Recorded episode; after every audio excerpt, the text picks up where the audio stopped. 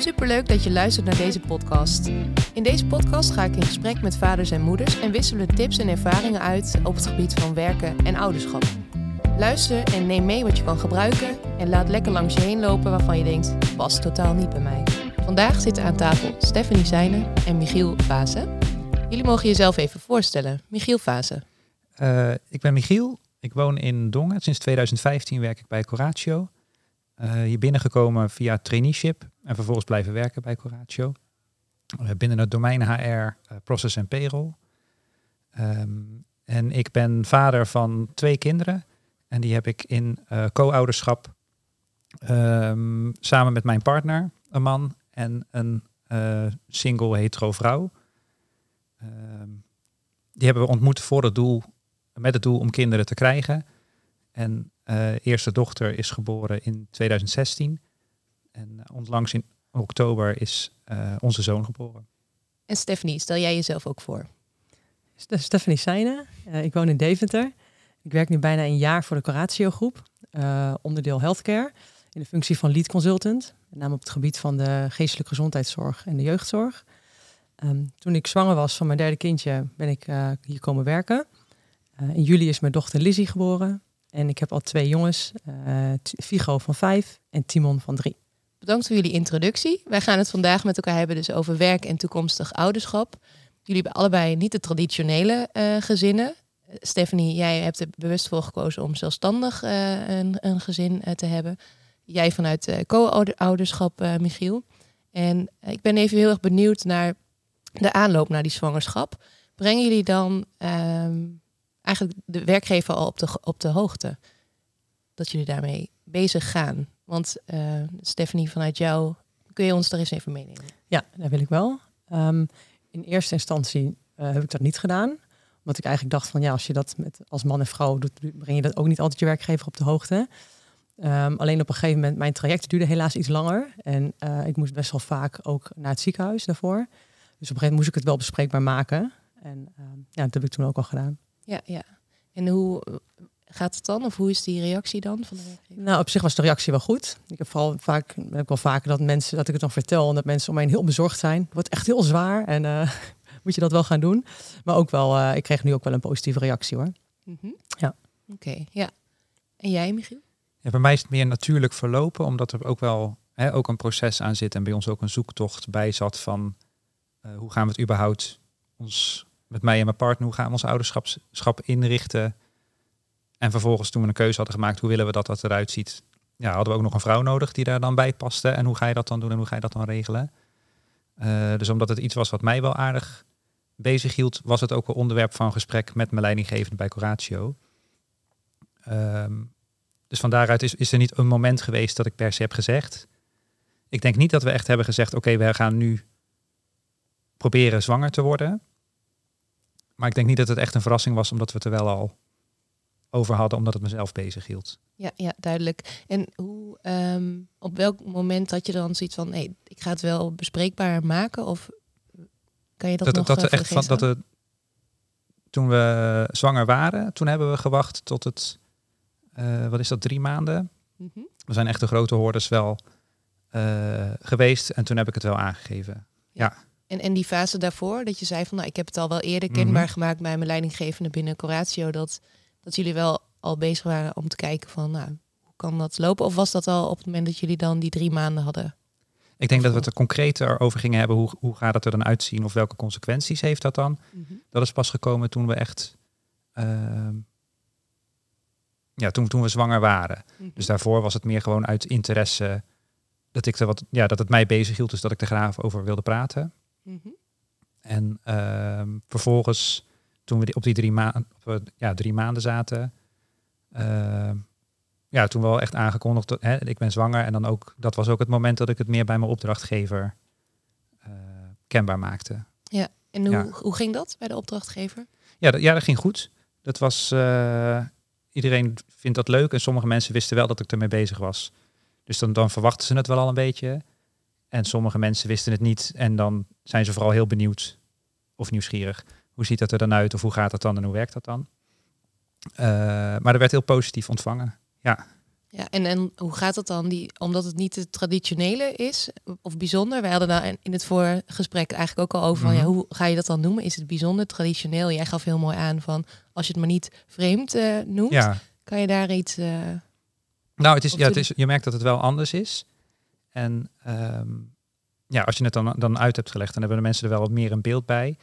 En het is wel, omdat ik natuurlijk als consultant kom ik bij verschillende opdrachten. En mijn ouderschap is wel een groot onderdeel van hoe, wie ik ben of hoe ik mezelf identificeer, zeg maar. Dus het gaat ook wel, ook op mijn werk heb ik het veel over de kinderen.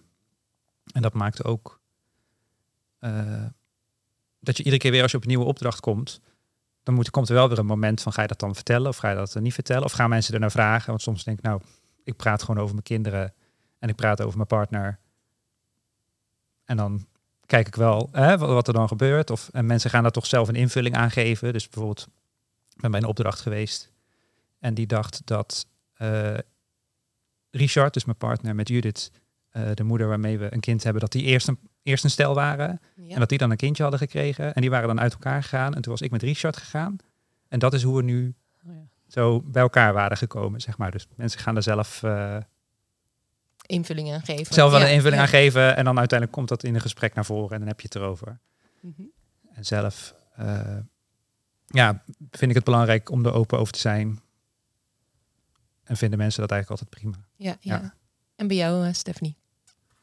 Ehm, hoe mensen erop reageren, bedoel je? Ja, en, en hoe je dat dan kenbaar hebt gemaakt bij, je bij je werkgever. Oh ja, ik heb inderdaad hetzelfde eigenlijk. Nou, ik heb uiteindelijk iedereen verteld toen ik zelfs eenmaal zwanger was en de drie maanden grens voorbij was. Maar doordat het traject natuurlijk al langer duurde en ik veel weg was, dat was de tijd dat we nog allemaal op kantoor zaten elke dag. Eh, ja, daardoor wist bijvoorbeeld mijn team wist het al wel. En ja, iedereen reageerde wel enthousiast op. Ja, zeker wel. Ja. Ja. En jij bent eh, bewust alleenstaande moeder. Bedenk je dan eigenlijk van tevoren al helemaal van... Oh, hoe ga je dat dan aanvliegen en organiseren? En eh, al Ja. voordat je dat traject instapt? Of kan je ons daar eens in meenemen? Ja. Ja, kijk, eh, ik ben niet bewust alleen. Ik ben wel heel erg bewust alleen het moederschap aangegaan. Mhm. Ehm, dus dat is wel een moment dat je wel gaat denken, ja, oké, je hebt geen partner. Er komt praktisch komt van alles bij kijken. Dus je moet het hoe dan ook regelen. Dus ik denk dat je financieel heb ik best wel wat dingen uitgezocht. ehm, maar ook heel praktisch de opvang. En ja, hoeveel dagen ga je dan werken? Ehm, ik had toen het geluk dat mijn, eh, mijn ouders, die hebben gewoon een kinderopvang aan huis. Dus ik had het geluk dat, ja, dat ik daar de kinderen veel kwijt kon. Of in ieder geval de eerste. Gaandeweg met mijn moeder ziek, waardoor ze steeds minder kon oppassen. Ja, maar die wens van eh, meerdere kinderen bleef wel bestaan. Ja, en, ja, dan ga je echt wel bij jezelf nadenken. Oké, je hebt een wens, je hebt het gevoel, ratio. Ja, hoe ga je dan ermee om? Ehm, ja, dus dat is, wel, eh, dat is wel iets waar ik goed over na heb gedacht. Ja. Ja, ja. ja heel mooi. Yes. Eh, op het moment dat je eh, zwanger bent, eh, je werkgever is op de hoogte, je toekomstige werk op je toekomstige opdrachtgevers. Nou, dat gaf jij al aan, Michiel, hoe je die dan meeneemt, of je het wel vertelt of niet vertelt. Op, op, op een gegeven moment ontstaan ook ideeën of beelden bij mensen hoe het misschien wel in elkaar steekt. Zouden jullie, heb je zoiets van, oh, eigenlijk dat is wel prima dat iedereen het zelf bedenkt, of is dat nog lastig? Dat je denkt van, oh, eigenlijk toch heel bijzonder dat die invulling van mensen er ook gewoon zo is. Nou, ik merk dat het in sommige gevallen ook wel helpt om een wat persoonlijker, persoonlijker contact te krijgen met sommige collega's. Dus je hebt, mensen zijn toch, ja, is dat dan benieuwd of is het dan nieuwsgierig of is het dan betrokken of zijn, zijn- willen ze gewoon graag weten hoe zit het nou eigenlijk? Hè? Maar omdat je daarmee wel ook een wat persoonlijker verhaal vertelt, eh, maak je ook wel wat makkelijker al een persoonlijke connectie op de een of andere manier. En dat heeft ook misschien wel iets meer onderscheidends of zo. Hè? Dus je blijft misschien wat makkelijker plakken. Maar het is niet per se iets wat ik gelijk in een. Als ik ergens ter kennismaking kom om te kijken of ik op een opdracht zou passen, is het niet een van de eerste dingen die ik. eh, die ik roep wel dat ik vader ben. Maar de hele constructie, dat, eh, dat komt dan later wel. Ja. En als mensen er zelf over speculeren, dan is dat Ja. prima. En als het dan uit de klauwen loopt, dan. eh, ja, en het zijn sowieso, sowieso hoor je nu wel eh, meerdere discussies van of dat vadermoederschap, zou je dat überhaupt werkgerelateerd moeten benoemen, willen benoemen? Michiel gaf net heel duidelijk aan van het vaderschap is iets wat hij echt be- benoemt bij opdrachtgevers ook. Omdat het echt onderdeel is van wie jij bent. Ehm, Stephanie, hoe ga jij daarmee om? Benoem jij ook echt het moederschap Ik herken wel wat Michiel ook eh, aangeeft. Het is gewoon een belangrijk deel van mijn leven. Dus ik benoem het eigenlijk altijd wel. Ehm, zeker met, uh, als je voor het eerst kennis maakt met iemand. Ik zeg niet altijd dat ik alleen uh, de, de, kinderen opvoed. Ik merk wel dat als je het benoemt, dat mensen er vaak van uitgaan. Oh, wat sneu. Of de partner is weg. Of dat ze dat zelf wel invullen. Mm -hmm. Dus vaak dan voeg ik daar wel aan toe dat het een heel bewuste keuze is. tijdens mijn zwanger, derde zwangerschap had ik hier een sollicitatieprocedure lopen. Toen heb ik ook wel bedacht, uh, ga ik het vertellen? Nou, dat stond eigenlijk buiten kijf. Ik ga het hoe dan ook vertellen, maar ik vond het moment wel spannend. Want wanneer ga je dat dan bespreekbaar maken? Ja. Want alleen met de drie kinderen, het is gewoon een feit, dan ben je gewoon wel minder flexibel. Um, ja, en zou je misschien ook qua werk minder kunnen geven dan dat je eigenlijk zou willen. Ja. Dus ik heb uiteindelijk wel voor gekozen om het te bespreken, maar wel pas aan het einde van de procedure. Ja, en nog het einde van de procedure, de, de, inkt was al droog van het Nee, contract? nee, nee, nee, nee, nee nog, nog voordat de inkt uh, op papier stond. Ja.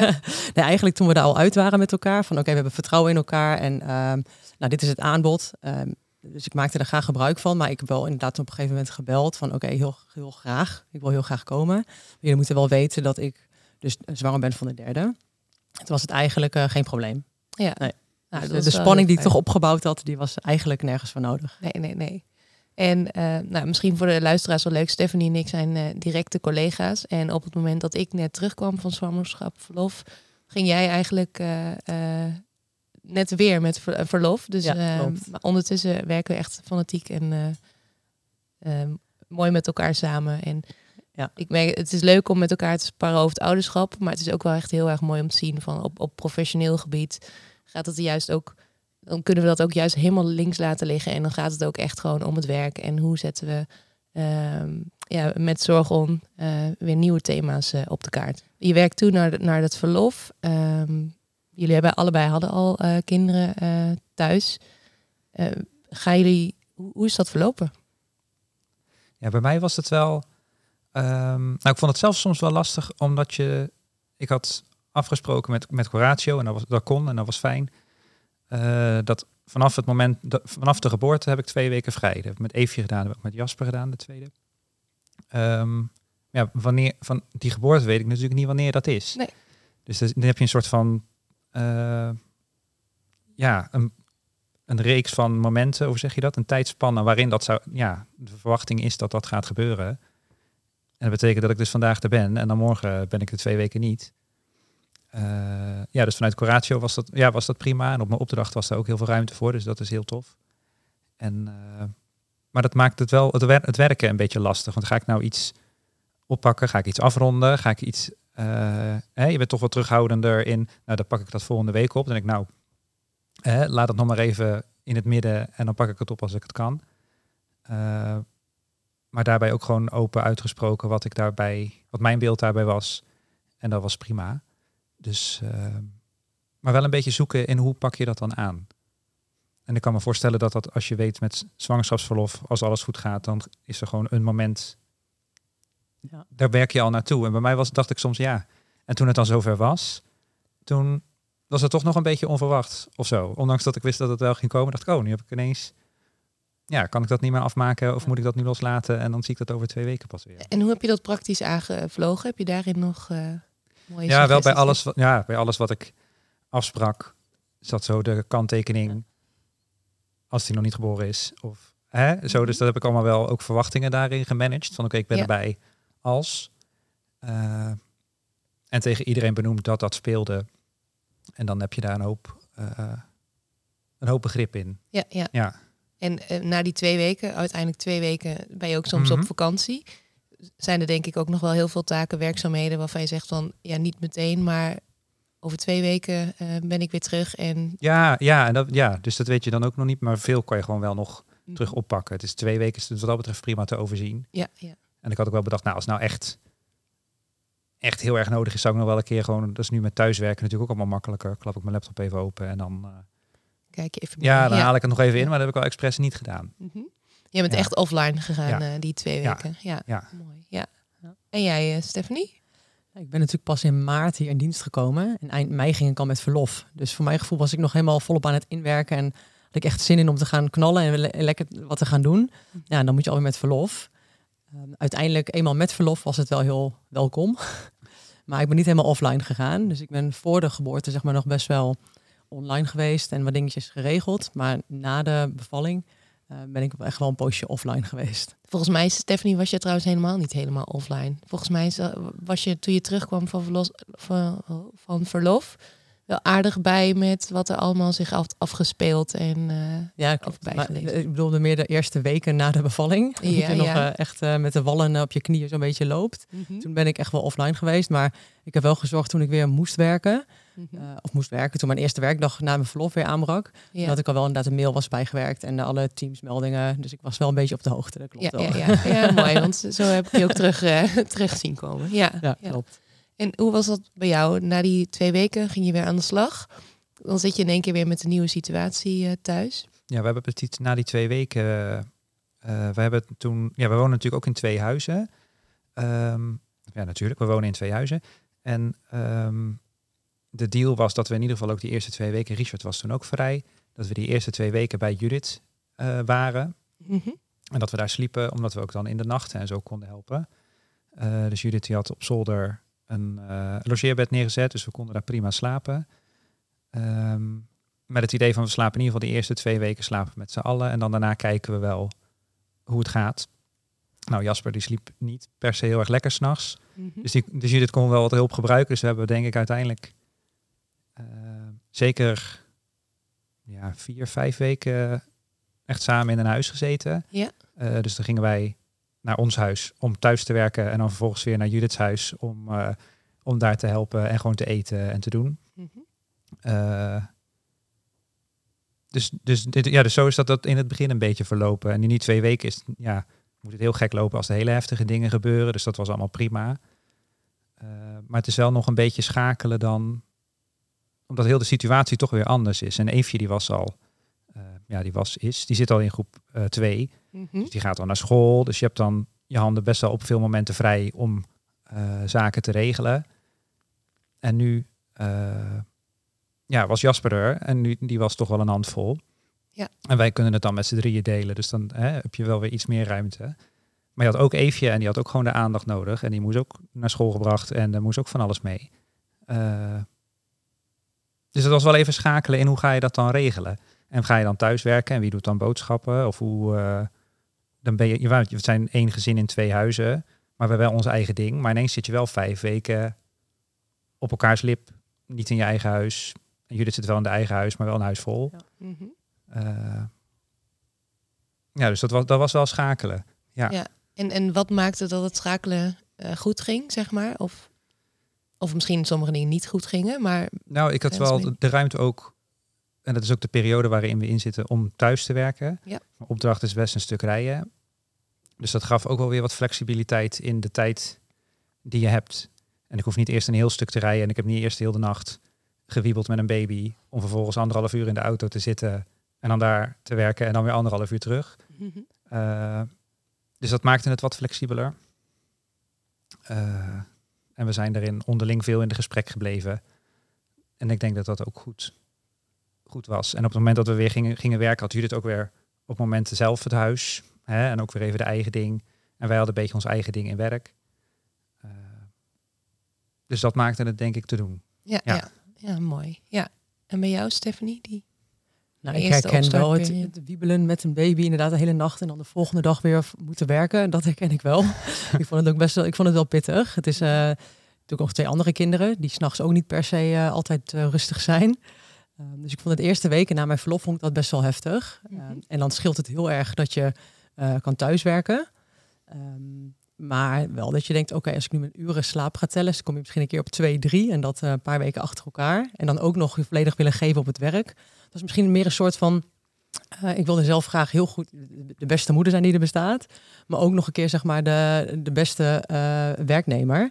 Zeker in de nieuwe baan. Dus ik wilde me ergens toch graag bewijzen, maar eigenlijk kon dat niet. Mm -hmm. um, ja, en ik moet ook zeggen dat eigenlijk ongevraagd, maar ook vanuit mijn leidinggevende, werd echt wel aangegeven van Stephanie, je zit nu gewoon echt in de tropenjaren. Verwacht niet te veel van jezelf. Uh, ja, je doet wat je, wat je kunt doen. Dat heeft me eigenlijk echt heel veel rust gegeven. Ja. Dat ik ook voor mezelf meer uh, soort van toegaf, oké, okay, het hoeft niet allemaal perfect. Ja.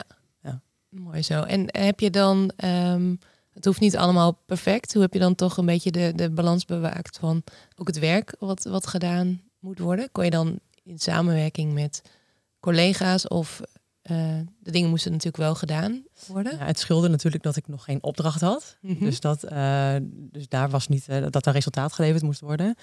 Ehm, en eigenlijk heb ik met nabije collega's kon ik best wel veel samen doen. Er was eh, ook een andere nieuwe collega die had ook nog een opdracht en die heeft heel veel van mijn werk overgenomen. En dat was echt heel fijn. ja, ja. Eigenlijk liep het allemaal een beetje samen zo. Nou, fijn. Yes. Ehm, het ouderschapsverlof, eh, hoe verdelen jullie dat? Of, en, en werk jij eh, fulltime, Stephanie?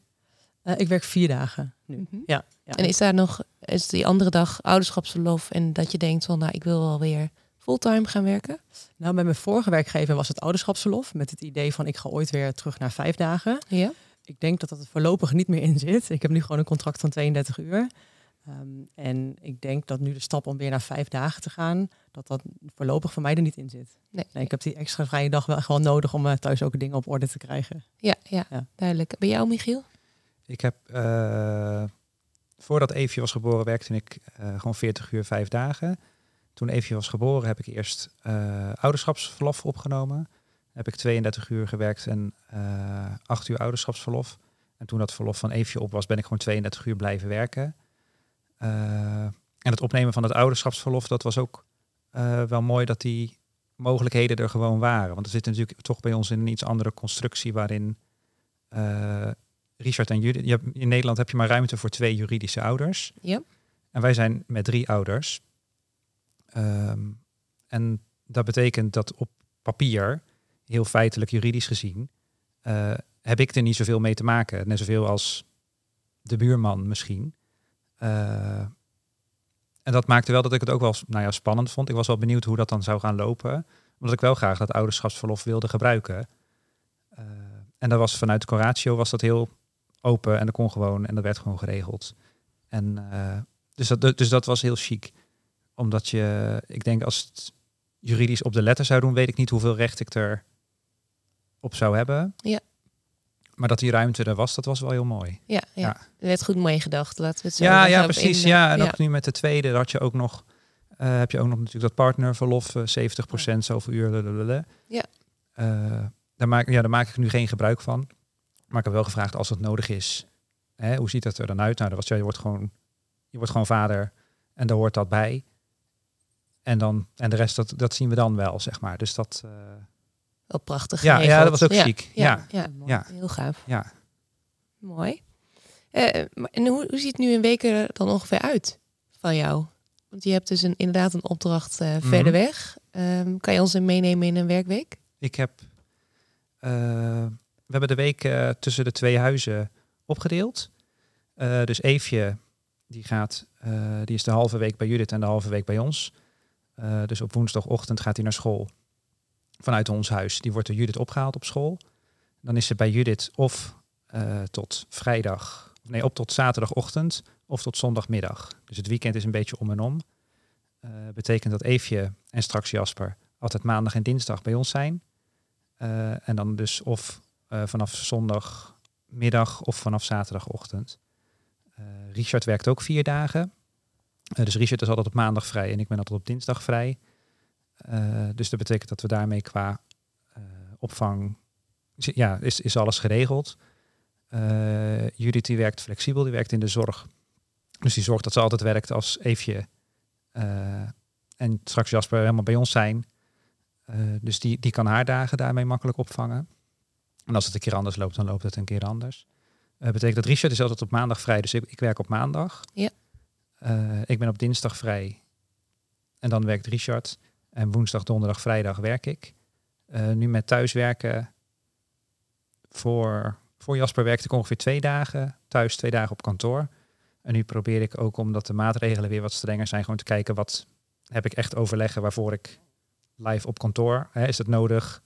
Of zit ik dan op kantoor vervolgens nog via Teams met allemaal mensen te overleggen? Dan ben ik liever thuis. Ja, ja. Eh, dus dat. ja mooi. Ja. En eh, voor jou, Stephanie? Een werkweek? Ja, nu in de, in de praktijk ben ik vooral veel thuis. Ehm, maar ik hoop dat we straks naartoe gaan dat je in ieder geval één dag naar kantoor kunt. En voor de rest heel veel in het land. Gewoon bij, wel bij klanten uh, op gesprekken voor opdracht zit. Um, ik heb de kinderen twee dagen naar mijn ouders nu. En twee dagen naar de kinderopvang. Um, ja, en de ochtend en de avond is vooral chaos. Dus ja, dat is een beetje hoe mijn, uh, ja, ja, ja. mijn werkweek eruit ziet. Ja. En ook wel gewoon soms avonds, hè? Dat je nog aan de, juist ook s'avonds aan de slag ja. bent. Kinderen ja, klopt. op bed. En, ja. Uh, ja, ik bedoel inderdaad nu de avonden iets relaxter zijn. Dat ze allemaal inderdaad uh, in ieder geval om acht uur op, op bed liggen. Dan doe ik s'avonds ook wel vaak nog uh, dat ik nog wat, wat, wat werk. En zeker nu, nou goed, je zit gewoon in de coronatijd, wanneer je met elke kuchje of hoesje natuurlijk je kind thuis mag houden. Um, ja, dat is ook gewoon lastig. Zeker, ja, ik ben natuurlijk ook alleen, het komt altijd op mij aan. mm -hmm. um, ja, dus dan probeer ik wel mijn uren te maken door het in de avond in te halen. Ja. Oké. Um, hebben jullie zelf nog een uitsmijt waarvan je denkt van, hé, hey, het zijn er um, voor gewoon de traditionele gezinnen, maar ook misschien juist de niet-traditionele gezinnen, dat je zegt van, nou, dit zou ik nog wel mee willen geven over de combinatie werk en ouderschap. Begin ik bij jou, Stephanie. Um, nou, mijn ervaring is vooral dat er, er, echt wel werkgevers zijn die er gewoon heel goed mee omgaan, die echt met je meedenken. Uh, de werk-privé-balans is gewoon belangrijk. En ik heb het idee dat steeds meer werkgevers dat ook echt zien. Uh, en daarin samen naar een oplossing zoeken. Mooi, ja. ja. En jij, Michiel? Ja, ik denk dat het goed is om er open over te zijn. Sowieso. En ik kan me voorstellen, zeker in het traject wat wij hebben, is het ook fijner als het al eerder wat besproken wordt. Want dan heb je ook wat meer ja, ik kan me voorstellen dat het dan ook op hè, dat het dan onderling de managers het er eens een keer over hebben van hè, hoe gaan we daar eigenlijk mee om? Mm -hmm. Want er zijn bedrijven die hebben daar een hele stellige mening over. Hè. De HEMA die heeft dat heel mooi buiten gebracht. Uh, ja, niet, niet alle bedrijven zijn daar zo duidelijk in. En ik denk naar andere ouders, jij zei dat zelf ook al een beetje, dat, het, dat je hoeft niet te werken alsof je geen ouder bent en niet een ouder te zijn alsof je niet werkt of zo. Hè. Dat is dus allebei onderdeel van elkaar. En dat mag ook. Dus het kan ook zijn dat je een keer moe bent op je werk of dat je een keer mopperig bent thuis. Ja. Ja. Ik denk hoe drukker je daarover maakt, hoe meer je jezelf daarmee in de weg zit. Ja. ja. Ja, duidelijk. Dan wil ik jullie heel erg bedanken voor jullie bijdrage aan uh, deze podcast. En dan uh, heel veel geluk met jullie werk en ouderschap. Dankjewel. Dankjewel, dat was leuk om hier te zijn. Dit was alweer de laatste podcast van deze serie Werk en Ouderschap. Ik kijk terug naar drie mooie gesprekken met collega's over deze mooie combinatie. Of je nu vader of moeder bent, alleenstaand of in co-ouderschap, de rode draad is toch eigenlijk wel hetzelfde. Het is fijn als de werkgever faciliteert, maar begin ook vooral bij jezelf. Je moet het doen zoals het bij jou past.